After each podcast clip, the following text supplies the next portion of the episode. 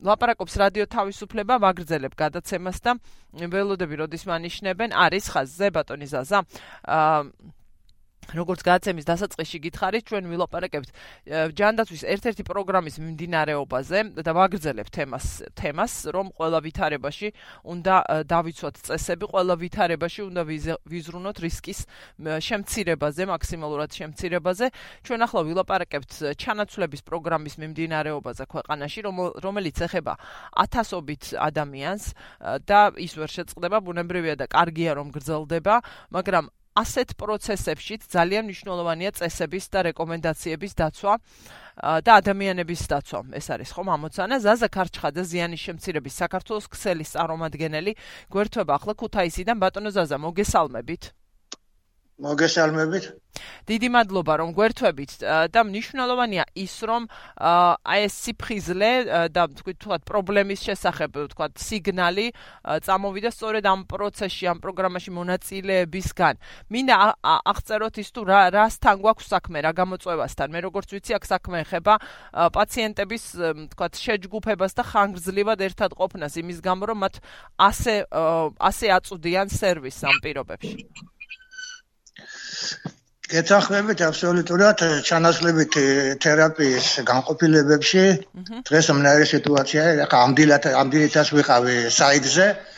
და რასაც ხედავდა მე თვითონ ჩანაცვლებით თერაპიის პროგრამის მონაწილე ვარ აი დღეს მაგალითად უნდა გამოვეტანა ხელზე 5 დღის დოზა მაგრამ იქ იმნაირი ამბავი დამხდა იმხელა რიგი ისე შეჯგუფებული ადამიანები შიგნით თუ შესასვლელთან გარეთ აი უბრალოდ შეუძლებელი იყო იმ რიგში ჩადგომა და ასე რა იწვევს ამას? ასე იყო ადრეც და რა იწვევს თქვენი დაკვირვებით ამას?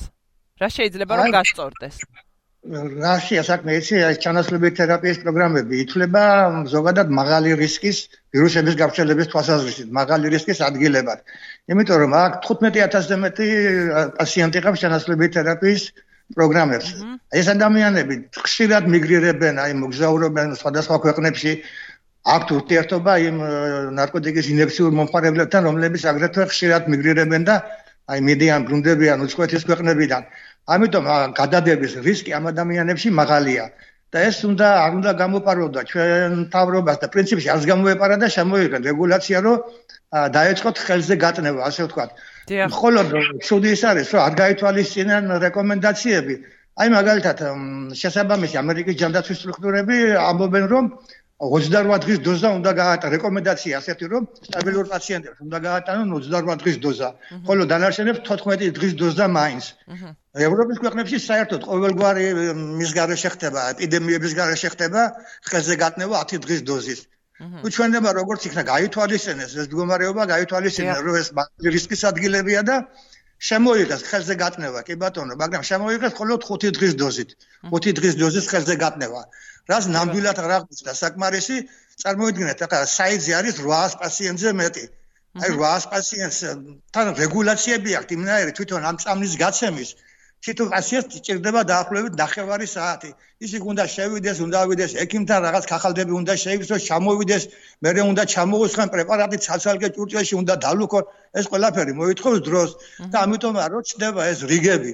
ფიზიკურად ვერ ასწრებს გამტარიანობას საიტები და აი ხდება ეს რიგები შეჯგუფება ამ ადამიანების და მივიღეთ მინარისტურად რომ იმის მაგივრად რომ აი გავრცელების რისკი წამოვიდეს ქვევით პირიქით რაც დღეს დღესდღეობით ვაკვირდებით ამნაირ სიტუაციაში გავრცელების რისკი მაღალი რჩება. ბატონო ზაზა ჩვენ ახლა ვართ ვითარებაში ხო შეიძლება ამაზე არ ვიცი რახან ასე ხდება ეთყობა არ უფიქრიათ რომ სხვაგვარად შეიძლება მოხდეს მაგრამ თქვენ რა რა აი თქვენი რეკომენდაცია რა იქნება? რა შეიძლება რა არის შესაძლებელი ვთქვათ რომ აი ეს რისკი შემცირდეს.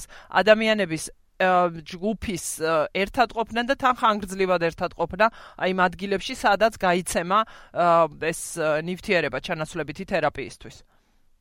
გეთახმებით რომ აი ეს პირველად შემოიღენ ამნაირი მასიური გატნება და აი პრაქტიკა გაჩვენა რომ ეს რეგულაციები და ამინის გაკეთება არის ძალიან რთული კი არა დიდი საფრთხის შემცველი.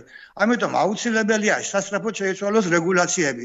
აი ეს ბიუროკრატიული მექანიზმები და ეს შიშები, რომ აი ცალ-ცალკე უნდა ჩამოუსხათ რამე არ შეეს, ეს ყველაფერი უნდა გადაწიონ გვერდზე. აბსოლუტურად ძალიან უნდა გაამარტივონ თვითონ გაცემის პროცედურა. აი მაგალითად თავისუფლად შეუძლიათ რომ წინა დღეს გაამზადონ თქვა აი იმ ადამიანების დოზები, ვისაც უწევს გატნევა და პირდაპირ ყოველგვარი ექიმთან ასვლის garaშე, ხელის მოწერების garaშე მიცენ ამ ადამიანებს თავისი თავისი დოზები, პირდაპირ კარებში შეუძლიათ მიაწოდოთ და ეს დაჭირდება სულ ამას 2 წამი. გადასვლად იმ ნახევარი საათისა, რაც ახლა ჭირდება და ამ ჩაკეტის სივრცეში უნდა ეტრიალოს რამოდენიმე ათეულმა ადამიანმა. ყოველგვარი დისტანციის დაცვით. აჰა. ალბათ ნამდვილად არ ვიცი, ჯანდაცვის სამინისტროს მიმართავდი ბატონ ამირან გამყრელიძეს მიმართავდი, რომელსაც შეიძლება უშუალოდ სულ არ ეხება ჩანაცვლებითი თერაპიის პროგრამების რეგულაციები. ხო, მაგრამ ეხება მთლიანად მართლა. ეპიდემიაზე არის პასუხისმგებელი აუცილებლად უნდა მიცეს რეკომენდაციები შესაბამის შესაბამის სტრუქტურებს, რომ ეს მაქსიმალურად გაითვალისწინონ, მაქსიმალურად გაამარტივონ გაცემის პროცედურები და რაც დავარიან გაზარდონ დღეების რაოდენობა. მინიმუმ 2 კვირის უნუფო მაინც რო გაატარონ პაციენტებს. და აი ამნაირი რეგულაციები მივიდნენ, ხო?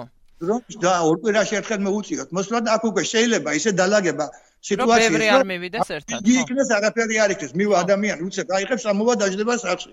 მესმის. ზოგიერთ ბრიქსის ადგომარო და კი ბატონო მერე მოვალ, წავა მოვა, წავა მოვა, ესე ესე გუწევს ვიზულებით გადაადგილება დღეში რამოდენიმეჯერ. რაც ყველანაირ რეგულაციებს არღვევს უკვე ამნაირი მიდგომა და ეს აუცილებლად გასათვალისწინებელი არის. ამ ხელაში რომ აგაწია მართლა ჩვენმა ჯანდაცვის სამინისტრომ და პირადად ამირ ბატონმა ამირანმა და ამ სექტორს უნდა აუცილებლად ყურადღების მიქცევა. რომ ეს ამ ხელა გაწეული შრომას კაში არ ჩაიყაროს და რაღაც ეპიდემიის აფეთქების ბუდეთად გადაიქცეს ჩანაცვლებითი თერაპიის საიტები. და ძალიან დიდი თქმა იქნება მაქსიმალურად გაამარტივონ პროცედურები და გაზარდონ ხელზე გატნევების გასატნევი ულუფის დღეების რაოდენობა. მე დიდი იმედი მაქვს რომ ვინმე ვინც თუ პირადად ბეტონი ამირანი არა ვინმე ვინც ამბავი შეუძლია მას მიუტანოს გვისმენს. ეს ინფორმაცია და თქვენი ეს რეკომენდაცია თხოვნა დაიდება ასევე ჩვენ საიტზე და გავრცელდება სოციალურ ქსელში ბანოზაზა ძალიან დიდი მადლობა უნდა გითხრათ ამ ტიპის აქტიურობისთვის და სიფხიზლისთვის და გადაცემაში მონაწილეობისთვის. ჯანმრთელობას გისურვებთ მადლობა თქვენ რომ შეეხეთ ასეთ მნიშვნელოვან თემას და თქვენ შეასწევდა და მთელ საქართველოს მოსახლეობას უსურვებ ჯანმრთელობას. დიდი მადლობა ზაზა ქარჩხაძე გვერდთვებოდა ქუთაისიდან.